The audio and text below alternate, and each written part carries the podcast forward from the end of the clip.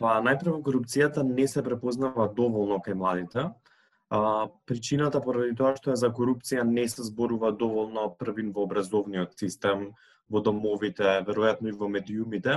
Па дури јас би кажал дека и кај нас во невладините младински организации не се зборува доволно за тоа. А, според мене а, и според интеракцијата која што имаме со младите, поверојатно е дека младите ќе препознаат некои поголеми коруптивни случувања кои што се поврзани со политичките случувања, кои што се повеќе спомнувани во медиумите, но мислам дека е помалку веројатно дека она што се случува во нивните микросредини, секој дневно, помалку е веројатно дека тоа ќе го препознаат како корупција, бидејќи мислам дека постои голема конфузија за штетното влијание на корупцијата кај младите. Кога од сите страни од општеството им се кажува на младите дека успешноста на една индивидуа во ова општество е вреднувана само преку различни форми кога се одработува за некоја партија, на пример, кога некоја здравствена услуга ќе добиете само ако го подплатите докторот, дека на крајот, на пример, од дипломската се очекува да им делите поклони на комисијата и на менторите,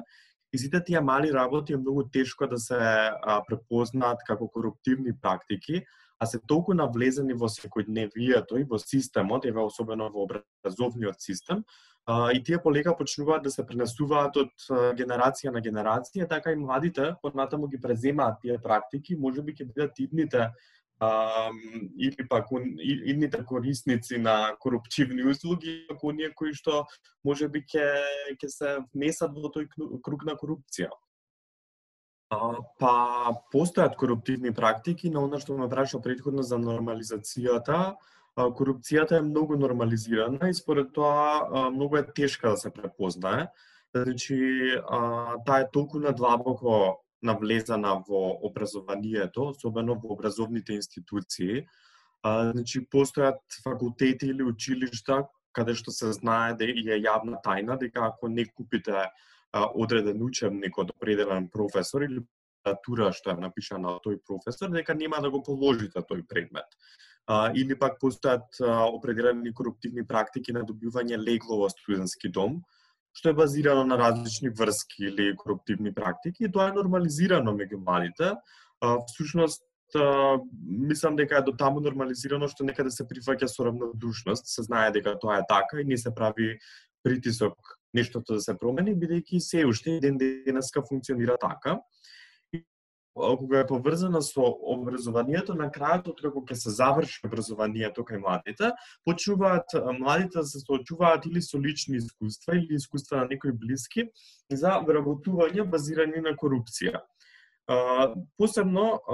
за вработувања кои што може би се врзани со образовниот систем, значи загрижувачки што многу често се случува професори и педагози да се вработувани во училиштата, само ако одработат за определена политичка партија. Со тоа учениците го гледаат тоа, тие не се слепи што прават нивните професори, тоа го сметаат за нормално и всушност постои голема можност понатаму и тие да го направат истото. Според мене професорите и педагозите мора да постават пример за своите ученици и во никој случај да не го илустрираат ова на начин што ќе бидат поврзани со некоја партија или пак ќе добијат партиско вработување и понатаму тоа ќе видливо пред нивните ученици.